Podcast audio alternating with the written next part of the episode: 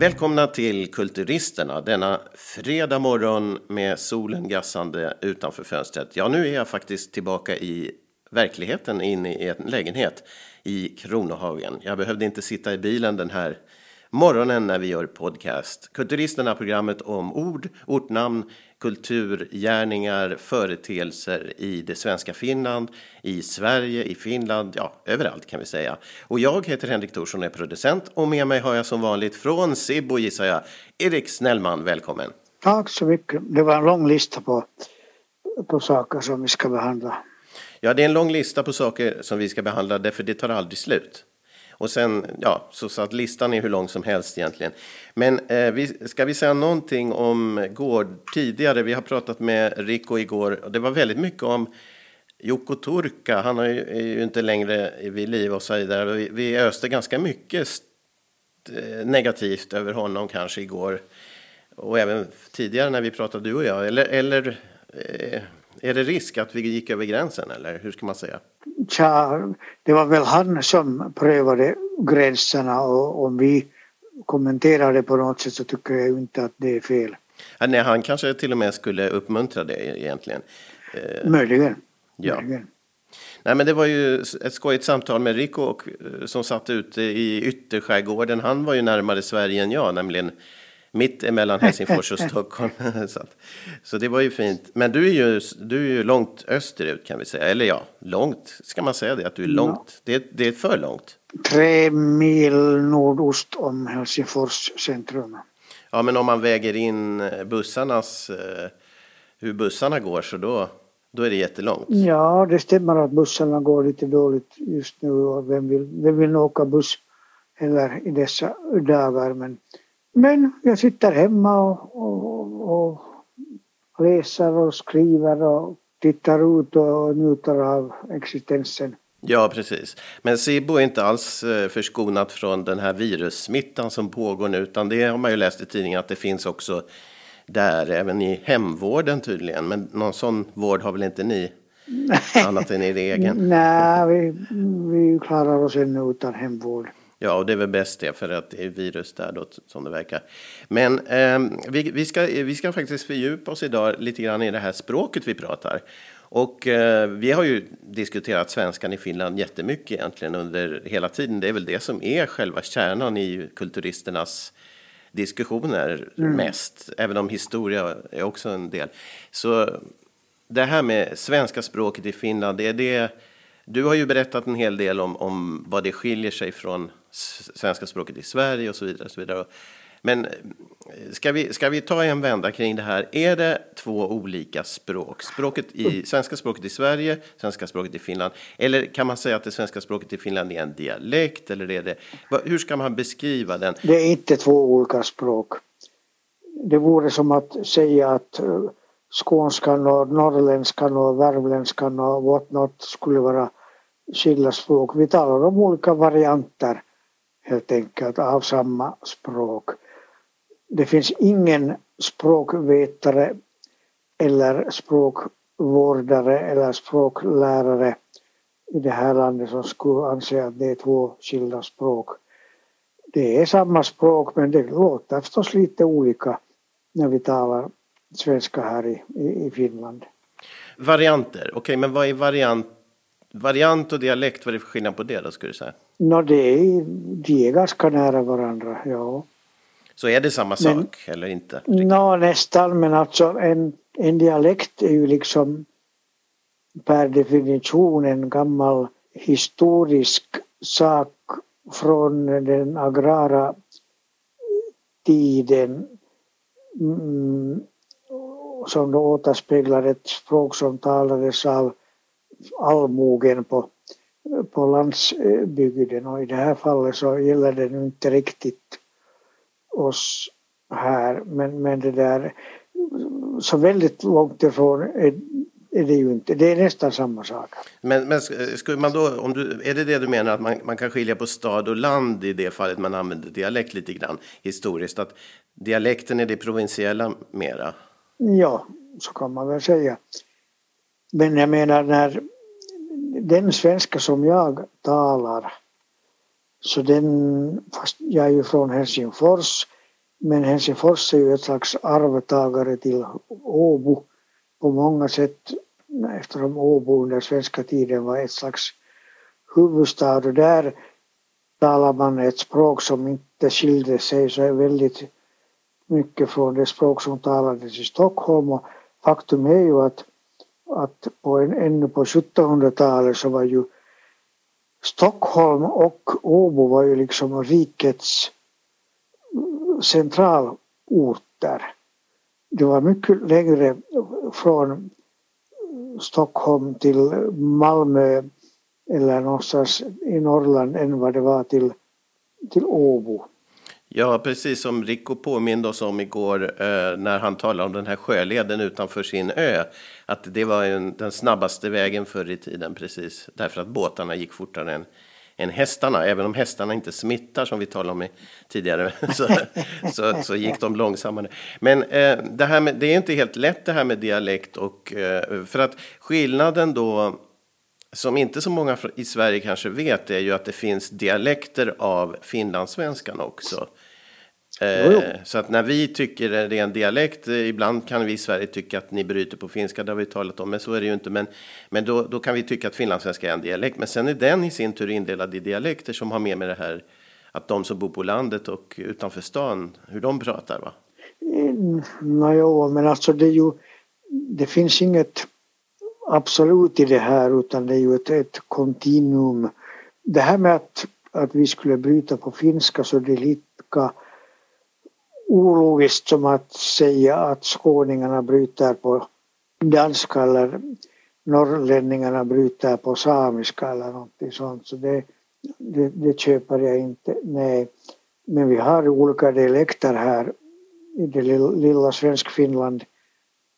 Och en del av dem är ju faktiskt sådana att jag, till och med jag som har studerat de här dialekterna har, har ibland svårt att förstå det. Ja. Men Erik Snellman, har han någon dialekt från början? Men egentligen inte eftersom mina föräldrar kommer från, de, de kom från olika delar av Österbotten till Helsingfors och grundade en familj där och det fanns nog nästan ingen dialekt i vårt hem och frågan är vilken dialekt skulle det ha varit. Men däremot har jag tillbringat väldigt mycket tid i östra Nyland och tagit till mig ganska mycket av den dialekten. Om, det vill säga jag kan, jag kan tala den om jag, om jag vill. Ja, Lovisa. No, Lovisa, Pärno, Liljendal och Apträsk. Ja. Just det. Ja, men eh, det här, det är ändå, det är svårt alltså. Det är svårt att förstå skillnaden mellan finlandssvenska och finlandssvenska dialekter. Men en fråga är ju, en dialekt i Svenskfinland, i en by, är den mer släkt med svenskan i Sverige än den är med svenskan i Finland, finlandssvenskan? Mm. Eller lika mycket?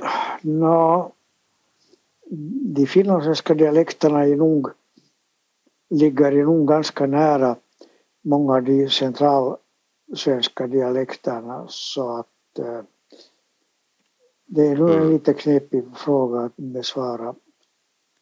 Det Men det finns ett släktskap mellan landsbygdsmål i Sverige och landsbygdsmål på den finska, finländska landsbygden i alla fall. Absolut. Och sen finns det dessutom koppling till fornsvenska och isländska. Jo, men det finns det ju beträffande all svenska som, som talas här i världen. Ja, det är ju liksom generna, men, men okej, det finns mer synbara släktdrag i närpesiskan? Nå, närpesiskan har något, man brukar tala om en sån här, alltså det finns ju folk i Närpes som tror att deras språk är någon slags fornnordiska och fornisländska och whatnot. Men, och även jag tror det.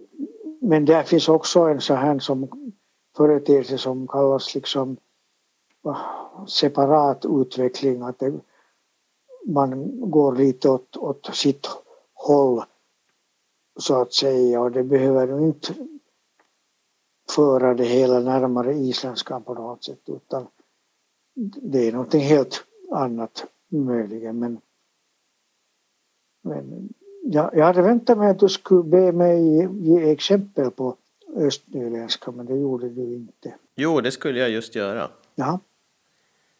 Så varsågod. Jo, det är något speciellt vill att jag ska säga eller du det. Men, men, men, Har du inget på hjärtat? Vad, vad som helst. Ja.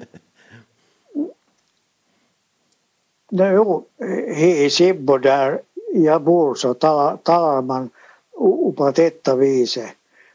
Och slicka där dialekt och det är nog mycket finare och grannare språk. Ja, vad fint. Ja, det är ju jättemycket, man känner det igen från Sverigedialekter. Men var det där Sibbo-dialekt eller var det östnyländska? No, det var nog en kompromiss av olika östnyländska dialekter kanske för att jag, eh, jag är inte uppvuxen på en eh, gård i en eh, agrart sammanhang i östra Nyland utan jag kommer ju från ett akademiskt hem i Helsingfors. Så, så, ja. så det blir, men jag har vistats väldigt mycket i, i de där trakterna. Men det blir väl ett slags kompromiss. Jag kommer väl inte alltid ens ihåg. Jag, menar, jag håller väl inte reda på i vilken kommun man säger just så här och just så där. Och där, det spelas en hel del amatörteater på, på dialekt i östra Nyland och eftersom det aldrig eh, invånarna i en by eller socken eller kommun räcker aldrig till för en hel pjäs så det blir att ta folk från grannkommunerna med och då kan man ju när man sitter i publiken så kan man sitta och njuta av det att folk kommenterar att ja, inte det är riktigt sådär man säger därför att, därför att det är grannbyns sätt att säga det. Men, men det ger ju bara lite extra krydda åt det hela. Just det. Ja, ehm, det här med språk och ehm, dialekter, eh, det är ju intressant också ur förhållandet med teater som vi har pratat om mycket den här veckan. Eh, jag kan ju säga att jag var ju med i Colorado Avenue, en, en eh, groundbreaking för att tala ett helt annat språk. Ett, ett, ett, en pjäs som hade stor betydelse för det här, nämligen Dialekt på scenen. För där hade man en eh, hoper österbottniska, alltså dialekter från trakten kring Vasa och norrut. Eh, med i, och det var ju ovanligt och revolutionerande på ett sätt att göra så på teaterscenen. Och det ska vi prata om lite mer strax. Jag ska bara nämna att jag då spelade en roll som var född i Vörå-trakten, var min figur, och sen hade flyttat till USA. Men jag var ju från Sverige som skådespelare och de, man trodde inte på min förmåga att kunna prata den här dialekten som jag antagligen hade då som rollen hade innan den flyttade till USA. Så man fick hitta på en ny historia kring den här figuren, att han var född i Sverige och sen hade han flyttat till Finland och sen hade han flyttat då till Amerika. Men, men alltså att jag fick aldrig, jag började öva faktiskt dialekt då, men, men det, oavsett det som man trodde inte på min förmåga så jag fick prata rikssvenska då, alltså Sverigesvenska. Så det var, men, men det här med språket på scenen har ganska stor betydelse för finlandssvenskan. Eh, och eh, ja, överhuvudtaget intressant. Och vi ska faktiskt nu kontakta en expert till. eh, till och med expertens expert, för jag tror att hon har varit din lärare Erik. Marika Tandefelt, är en, mm, ja. hon är expert på språk. Marika Tandefelt, hej och välkommen med. Hej, tack för att jag får vara med. Ja, och för våra lyssnare som inte känner dig så väl, så vem är du?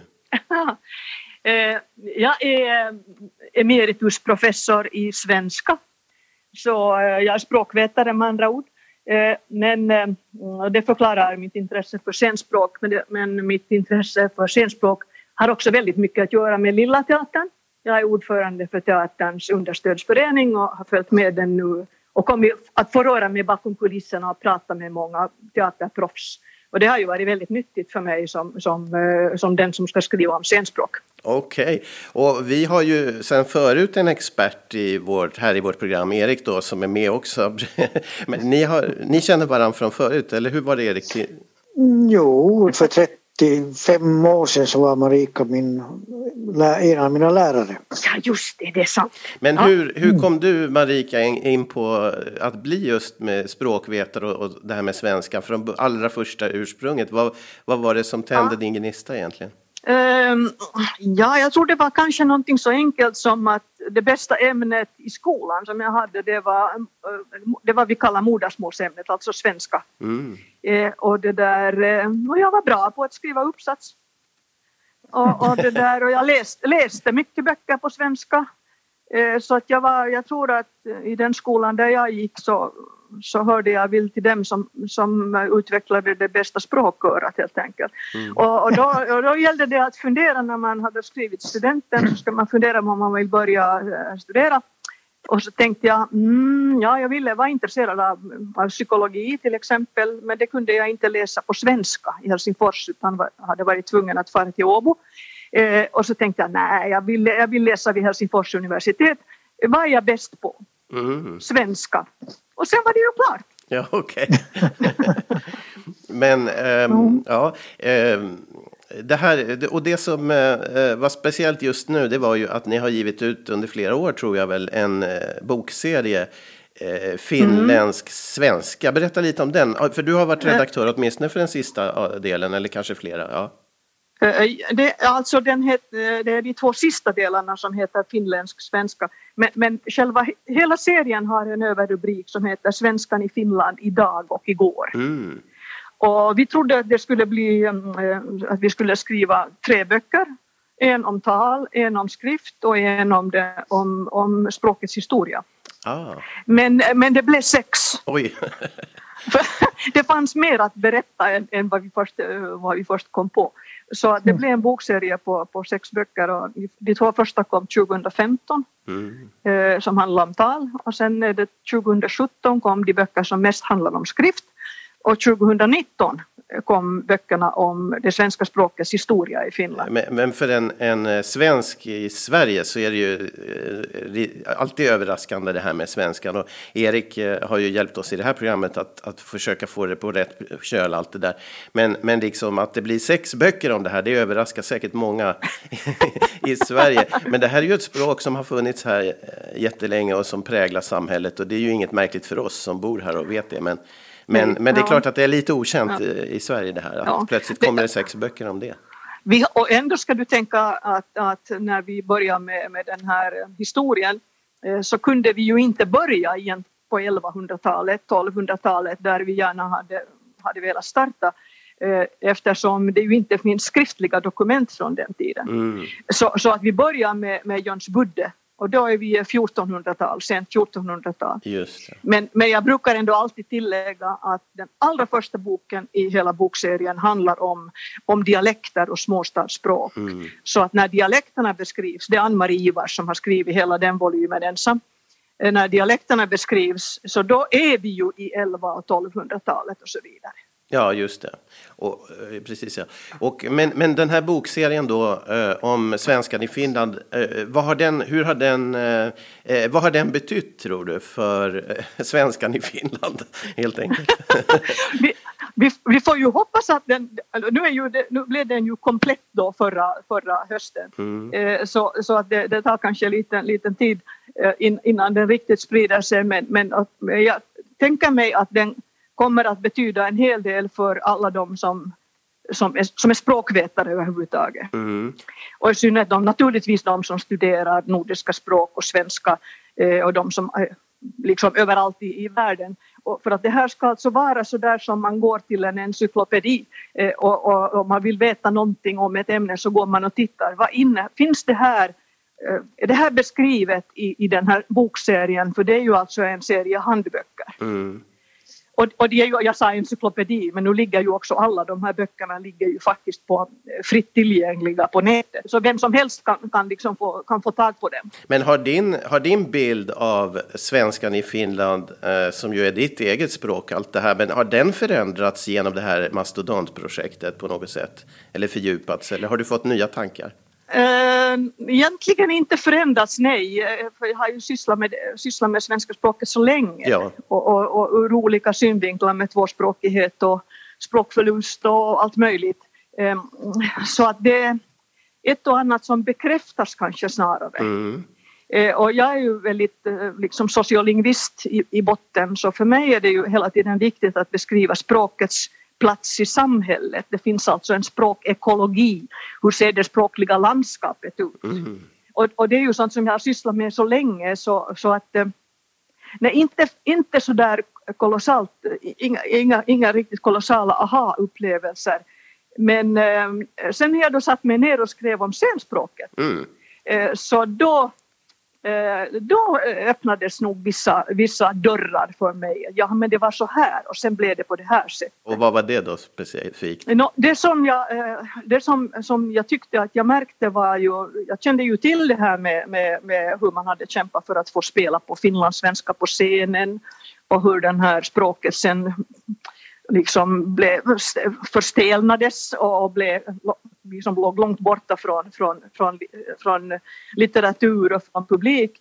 Men det som öppnade mig så småningom var det här med, ja men det är ju inte bara det att det är det finlandssvenska standardspråket, det som jag nu till exempel talar, som får ta plats på scenen, utan nu kommer också dialekterna in.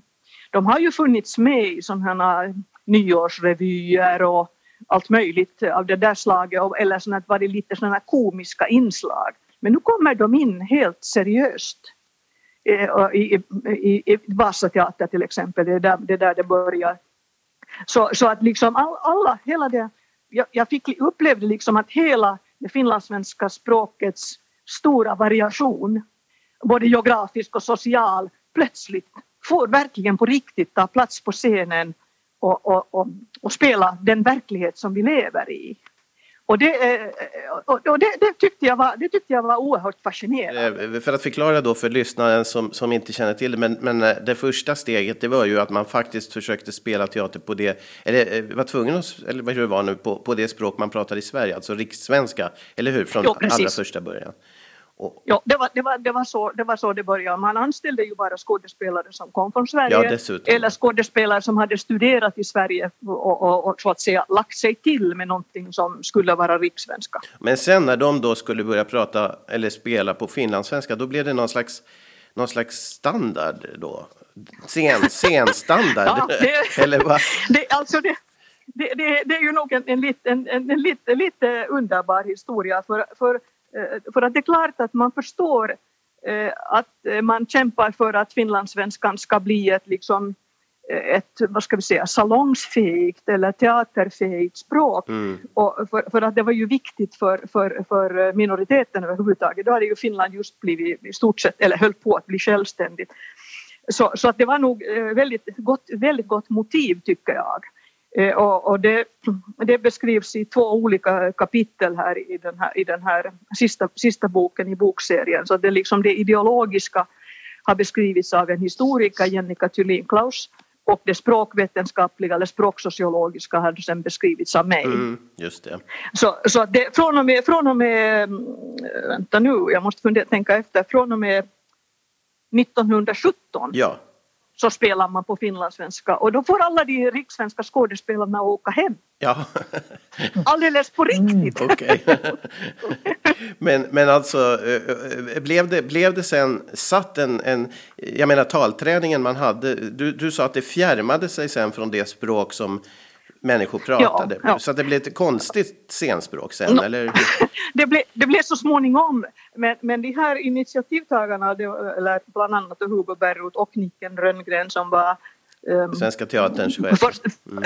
Ja, alltså småningom. Han började med att vara lärare i, i, det, i elevskolan. Det fanns alltså en elevskola där man då alltså tränade in eh, det som man tyckte att skulle vara det det här modellspråket Just. som man ville att publiken skulle höra på scenen. Jag tror att det där med modellspråk och någonting att ta efter, att det var eh, det upplevde man som väldigt viktigt där under tidigt 1900-tal. Ja, just det. Mm. Men Nick, Nicken Rönngren var, var har jag uppfattat som en, eh, då man idag skulle kalla en språkpolis. Ja. Så han, eh, han, han, han gav nog inte efter jag tror inte att han hade sinne för, att språk, för språkets variation eh, riktigt. Och han, han var ju länge, också efter det att han eh, hade slutat som chef för Svenskis så tog det ju en stund innan hans inflytande började försvinna. Och då är, då är vi redan i, det där i 1960-talet. Ja. Och, och då kommer så då, avståndet mellan när man först lanserar det här med nu har vi ett finlandssvenskt teaterspråksprogram och det här är vad som vi ska följa. Så det här, det här gör man då alltså, eh, Hugo Bergut publicerar en, en, en, en, text om det här år 1917. Eh, och ända till 1962 när Bengt Alfors säger nej nu får det vara nog. Ja, det, här är, det här är inte ett autentiskt språk. Mm, just det. Och, och, men, men för, för, er båda då som har levt här i Finland och, och vuxit upp med teater, har ni uppfattat det här med ett konstlat scenspråk när ni har gått på teater i, redan tidig år? Eller hur, hur, vad säger Erik? Att du talar om skillnadskan. Jag vet inte, som barn så trodde jag väl att det är så man talar på teatern. Mm. Precis. och, och, men, men sen, sen försvann det ju i något skede så jag vet inte om jag egentligen har upplevt det så väldigt mycket. Mm. Du, du är yngre än jag, jag har kanske upplevt det lite mer. Ja. Eh, mm. Men, men jo, det är precis som, som Erik säger, det är så här det ska låta på Svenska Teatern. Och, mm. och, ja, och det liksom, man, man, var, man, tyckte det accepterades därför att det var så... Ja, det är liksom ett yrkesspråk på något sätt. Men då, mm. då, då har jag ju varit eh, då har jag varit tonåring. Ja. Eh, och sen har det så småningom, sen har jag, när jag började gå på Lilla Teatern och fått höra också något annat. Men när man lyssnar på Radioteatern, gamla inspelningar, mm. underbara gamla inspelningar av Radioteatern, så kan man alldeles tydligt höra de äldre, de äldre eh, oftast svenskis skådespelare, deras diktion och så vidare är en annan än den här yngre generationen. Och vid det här laget tycker jag ju mm. att det är väldigt spännande att höra på det. Men, men för er del då, det här med dialekt på scenen, alltså det är lite svårt för en från Sverige att förstå hur ah, stor, ja, ja, stor mm. skillnad, mm. eller vi har samma problem där, till exempel i Sveriges Radio var det ju Eh, man fick inte ha dialekt fram till 90-talet. Typ. Men, men alltså just Precis. på scen har det inte varit samma kanske eh, stora fråga som för er. Så, så, om jag frågar er personligen, har ni, vad har ni tyckt om dialekt på scenen? Har det förändrats bilden för er? Har ni tyckt det var okej okay, alltid, eller hur är det? Sibbobon får börja. Mm. Ja. Sibbobon talar nu. Ja, tala på du. jo, no, det där... Äh det är nog så som Marika sa för en stund sedan att de här, den här dialekten eller dialekterna har använts som ett slags krydda eller som ett roligt moment. Jag har hört väldigt mycket dialektteater på de här våra amatörteaterscener på, på, på somrarna. Jag var mm. faktiskt själv med för ett par år sedan postbacken i, i Borgå. Utan där talar ju alla någon slags standardspråk. Mm. Utom jag som förväntades säga någonting också på österbottniska. Och, och, och, det gjorde jag. Jag sa till exempel när jag såg en, en motionscykel första gången i mitt liv så, så sa jag vad är det för ett grainspel? Och, men, men, men, det där det var aldrig aktuellt liksom att tala lokal dialekt, nej. Men, men Svenska Teatern då, om det är dialekt på Svenska Teaterns scen, Erik, ja. eh, vad säger du? Alltså vadå, allt är väl okej? Okay.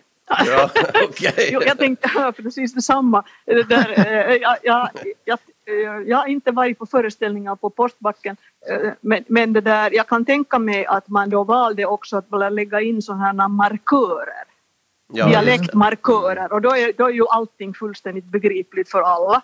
Ja. Eh, och samtidigt så är det lite deklasserande av, av, av av, av, av, dialekten på något sätt. Men det beror ju lite på sammanhang. Om det är komedi, revy och så vidare så är i stort sett allting tillåtet.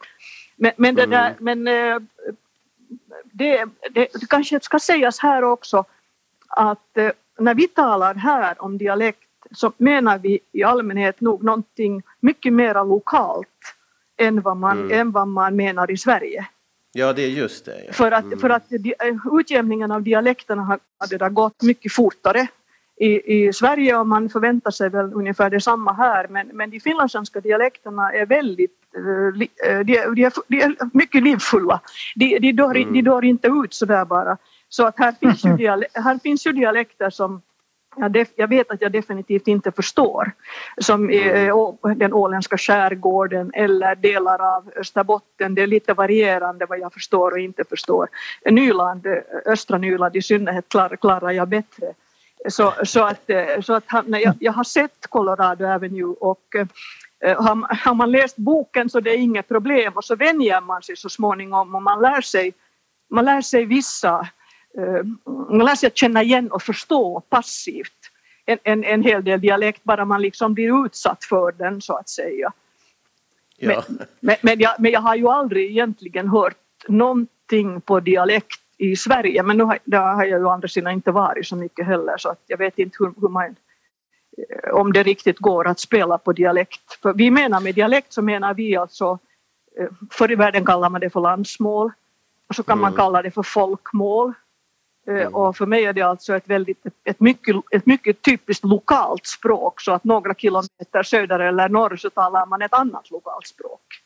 Ja, ja, ja, och det är spännande att höra att du inte känner skillnaden i Sverige, för, för det är ju så för oss i Finland att det är en överraskning att det finns olika dialekter av finlandssvenska. Ja, ja. Eller, men, men eh, det är kanske på teaterspråket i Sverige är det kanske skånskan som är det eh, eh, stora problemet, därför ja. då måste skådespelarna ofta lära det var, man, man fick kasta en boll på golvet, studsa bollen i golvet när man pratade så kom de och, och, och, flera kända, som Jarl Kulle till exempel, var ju skåning så att de har ju lärt, lärde sig då att ta bort det där.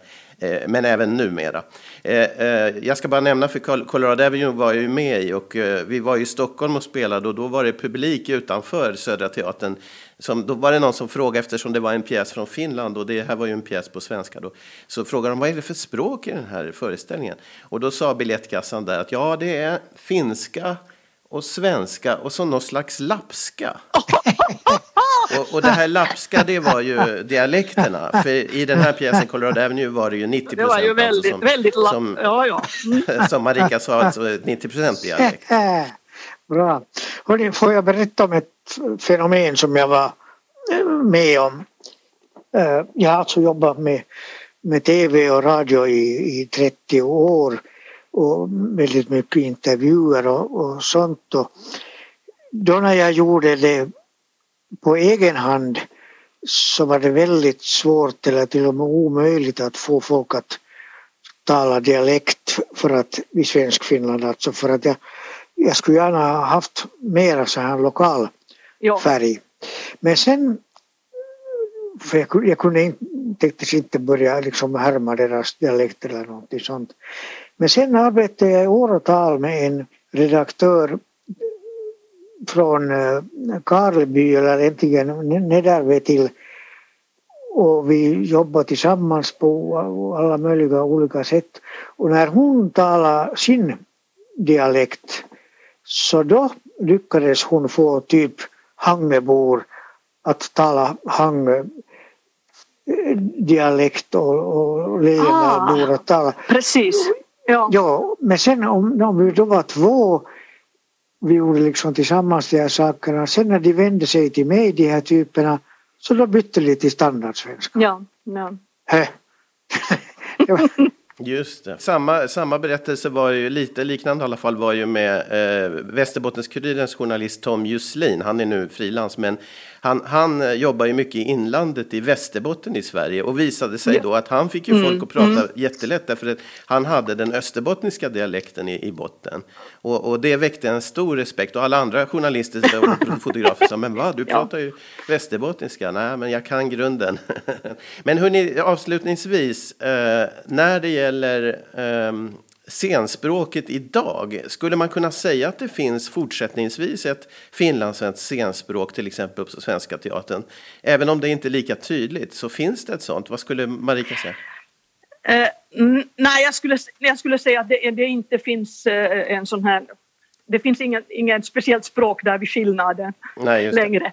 Eh, eh, och, och, alla, har gått, alla har gått, har gått för samma utbildning i Teaterhögskolan och, och skådespelarna flyttar på sig, väldigt många är frilansare och så vidare. Så att man har inte...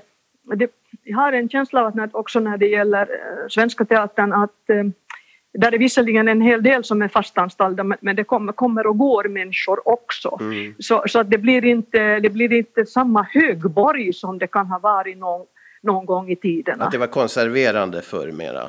Ja, och då när, när det är liksom samma ensemble och man, liksom, man, har sam, man har, börjar ha samma ideologi och så vidare, det kommer det, liksom, folk flyttar på sig mm. så hemskt mycket mellan olika teatrar och mellan olika medier. Ja, just det. TV och film och så vidare. Så att, så att eh, jag, tror, jag tror att skådespelarna är flexiblare också än vad, de, än, vad de, än vad de kanske eh, var tidigare. Ja. Eh, men hör du en sak apropå det där med lapskar. Ja, just det.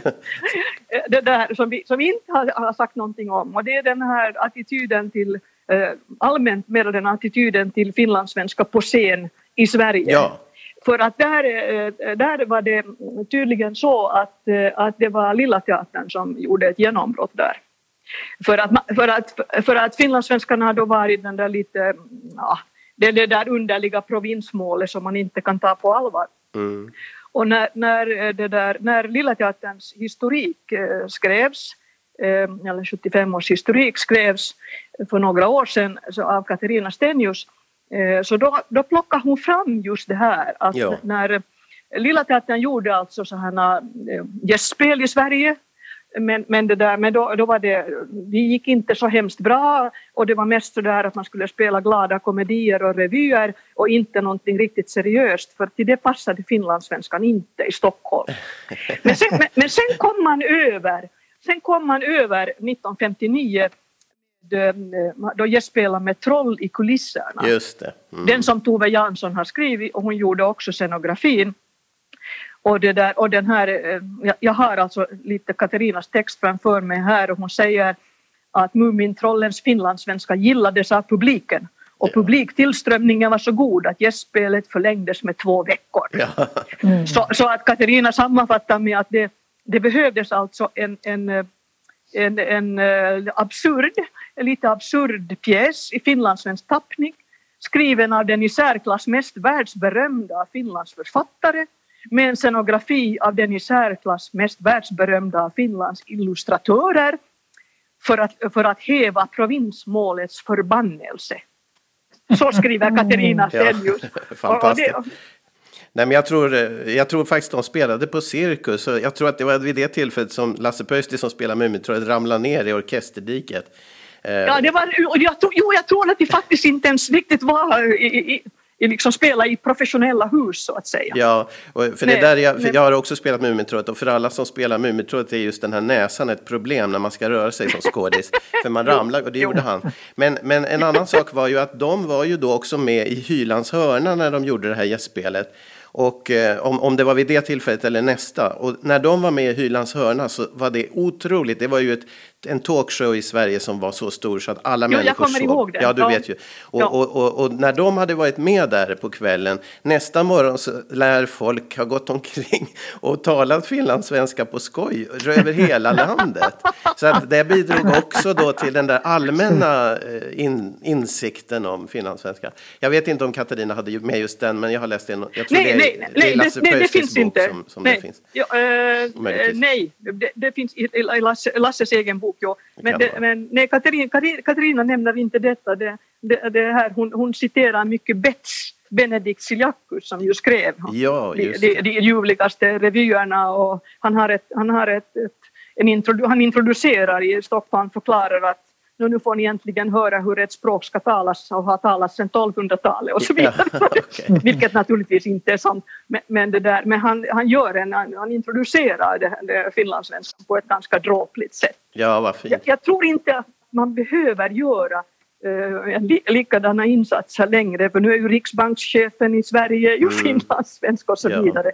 Så, så att någon sorts uh, kunskap eller att man man, att man inte kanske alla längre tror att, att vi talar finska när vi talar finlandssvenska men, men, men, men eh, däremot så är det kanske lite sämre med det där historiska perspektivet. Ja, precis. Nej, men vi försöker vad vi kan med den här podcasten till exempel att förbättra världen på det här sättet. Och eh, det här var en högtidsstund för oss. Mm. Ja, och jag, jag, tror att det här ämnet kräver mer samtal längre fram, nämligen för det är ganska komplicerat för oss rikssvenskar att förstå det här. Och, och det är dessutom väldigt spännande. Så tack så mycket Marika Tandefelt för att du medverkade. Ja, tack själv.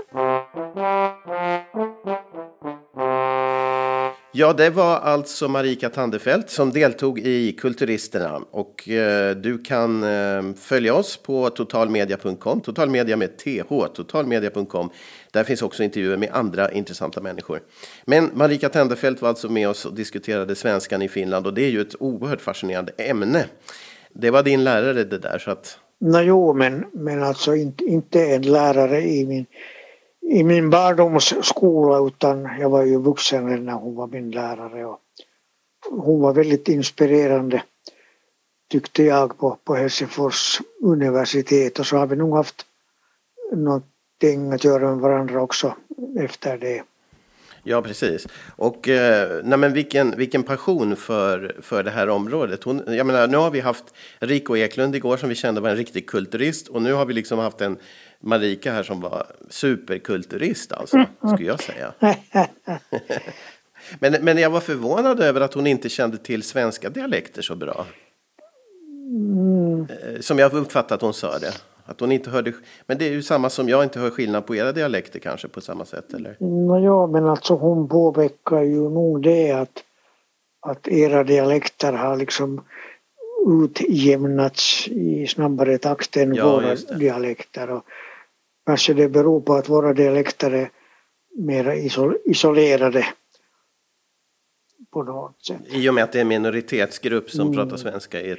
Det, eller vadå? Ja, det, Eller har ni isolerat? Det är inte bara Nyland som är isolerad utan allting.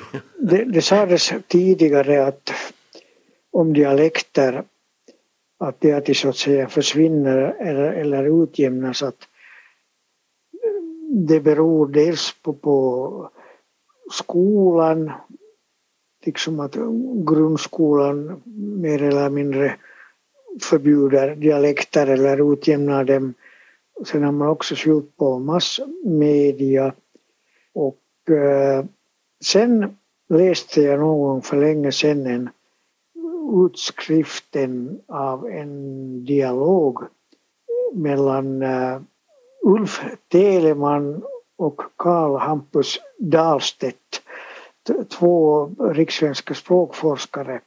Och de köpte inte det här med att skolan eller radion har förstört dialekterna utan de, deras slutsats var att det handlar om folks hembygdskänsla. Att så länge man har en känsla av att man är hemma från ett visst ställe så då håller man på något sätt mera fast vid dialekten men om hembygdskänslan försvinner så finns det inte längre någon orsak till att att hålla fast vid dialekten. Ja, det är bra. Jag tycker jag känner igen det från Österbotten där eh, varje by har en hembygdskänsla och varje by har lite olika dialekter. Mm. Så att olika dialekterna skiljer sig. Ja, men vad intressant. Ehm, men är det så att du, Erik Snellman, hör du skillnad på våra dialekter i Sverige? Till exempel, hör du skillnad på Värmland, Dalarna, Hälsingland? Jag, jag hör väl skillnad, men, men jag kanske inte vet vilken som är vilken. Så att, så att ja och nej. Nej, just det. Okej. Okay. Nej, men det är en vana. Det är klart att det är skillnad mellan skånska och norrländska. Och ja, visst. Ja, ja, precis. Ja. Jo, så är det ju. Men om det är väst, västgötländska eller östgötländska så då blir det den lite tve, tveksamt. Nej, nej, Linköping har ju en stark, östgötskan är en stark dialekt och i Norrland är det egentligen inte en dialekt då, utan det är flera olika då. Norrbotten och mm. västerbottniskan har flera olika. Och det var ju det jag berättade om Tom Jusselin, att han var just i Västerbotten och det är ju faktiskt mer likt eh, där med de här dialekterna är mera skilda åt. Och där finns mycket gamla dialekter som är också väldigt svåra, särskilt knepiga att förstå. Eh, så att det liknar. Men i alla fall, vi, vi, har, vi ska återkomma till det här med språk. Vi blir inte klara med det och kommer inte att bli klara med det. Det, är en, det kommer att överleva allt. Eh, det här ämnet är outtömligt.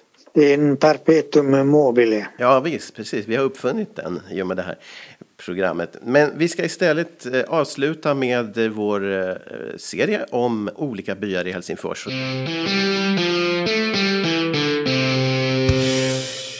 Och det är ju de här olika byarna i Helsingfors som vi nu ska prata om, en av dem. Och där kommer vi till en by som där, ja, du har faktiskt bott i den eh, stadsdelen som är uppkallad efter den byn och det var eh, visserligen så även med Drumsö, men det här är en annan. Vilken? Jo, alltså från Rumsö, där jag bodde mina fem första år, så flyttade vi till Botby som då var en sån här, vad ska man nu kalla det, no, en förstad, sovstad, någonting i den stilen och det var ett nytt begrepp i Finland. Och eh, där finns egentligen en serie av missförstånd bakom hur man tolkar det men nu är väl forskarna ganska överens om hur det ligger till. Alltså Botby, när man översatte det till finska så blev det Puotila och eh, en puoti är alltså en bod. Det är då alltså ett svenskt lånord i finskan och då trodde man att det handlade om en by bestående eller där det finns by, bodar. Ja. Och då kom det här finska namnet till på det sättet. Och fast det var då helt fel. Sen i något skede på typ 1800-talet så hittade man gamla sådana soldatlängder, alltså listor med, med, med namn på soldater från den här rotetiden. Vi var ju en del av, av Sverige. Och där hittade man någon som hette typ Henrik Botberg. Oj. Av detta Botberg så drog man slutsatsen att då måste det ha funnits ett Botberg, alltså ett, någon slags höjd som kallades för Botberg. Och då tänkte man sig att det här bot är en parallellform till böte. Och att det handlar alltså om, om att vakta och, och hålla utkik.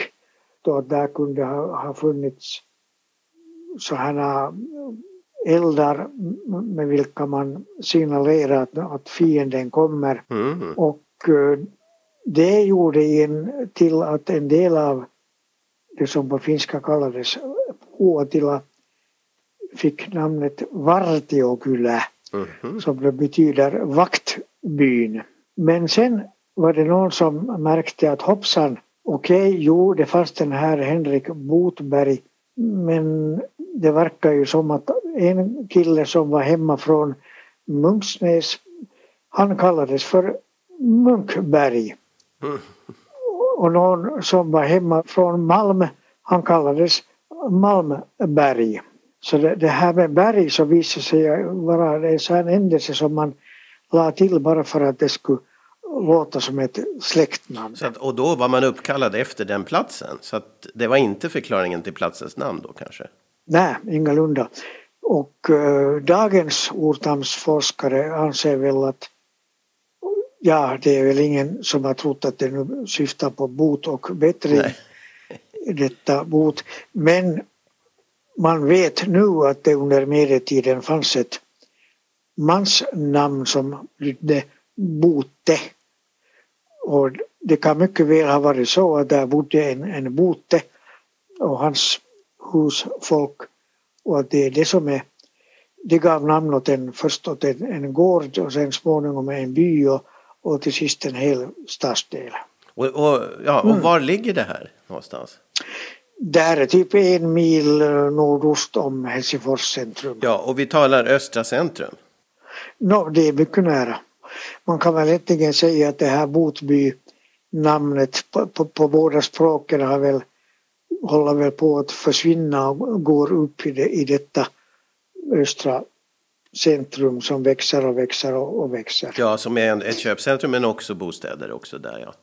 Ehm, Ja, och folk skiljer inte mera på namnet på köpcentret och namnet på stadsdelen. men när du växte upp i Botby, i de så kallade svenskgårdarna där, i en av dem alltså, så då fanns det ett östra centrum ens då? Nej, där var, där var en äng där kossorna gick och, och betade. Ja, var det bättre förr eller var det inte? Vi vet aldrig, vi vet inte. Vi vill bara återkalla det gamla. Vi tycker det gamla är viktigt. Det är Botby som gott.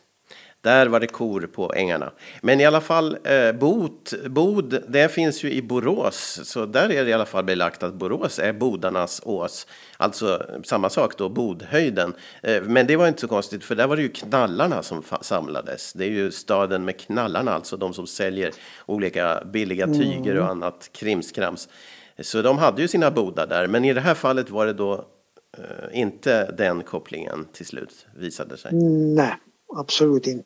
Och nu har vi, vi som är riktiga kulturister, ni som lyssnar och är det, nu har ni massor av, av eh, eh, resmål att skriva upp tills dess att vi öppnar Nyland igen. Troligtvis stänger vi ju idag så att ni får inte komma hit och se på det här. Det är värt att se också, det är värt att se allting. Men, men när, så att vi, vi lockar med lite spänning inför framtiden om några månader när man får resa här igen också. Eh, men kulturisterna, de är inte, vi är inte instängda, avstängda, utan vi fortsätter. Ju mer de stänger landskapet Nyland, desto fler kulturistprogram gör vi. Ja. För att visa livets rörelse och förbättra världen. Ja, vad ska vi säga om dagen som är? Vi ska avsluta vårt program. Ja, Vi har lärt oss ett och annat.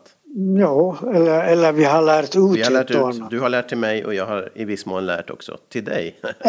och ja, vi har haft Marika Tandefelt med oss, eh, fantastisk stund med henne och eh, ja, vi ska se. Nya gäster kommer, nya gäster besöker oss och du hittar våra gamla program, tidigare program på Kulturisternas hemsida. Det är totalmedia.com, total med th och där finns också intervjuer i Folk i Finland-serien att lyssna på. Vi tackar så mycket Erik Snellman i Sibo. Ha det så bra idag. Tackar.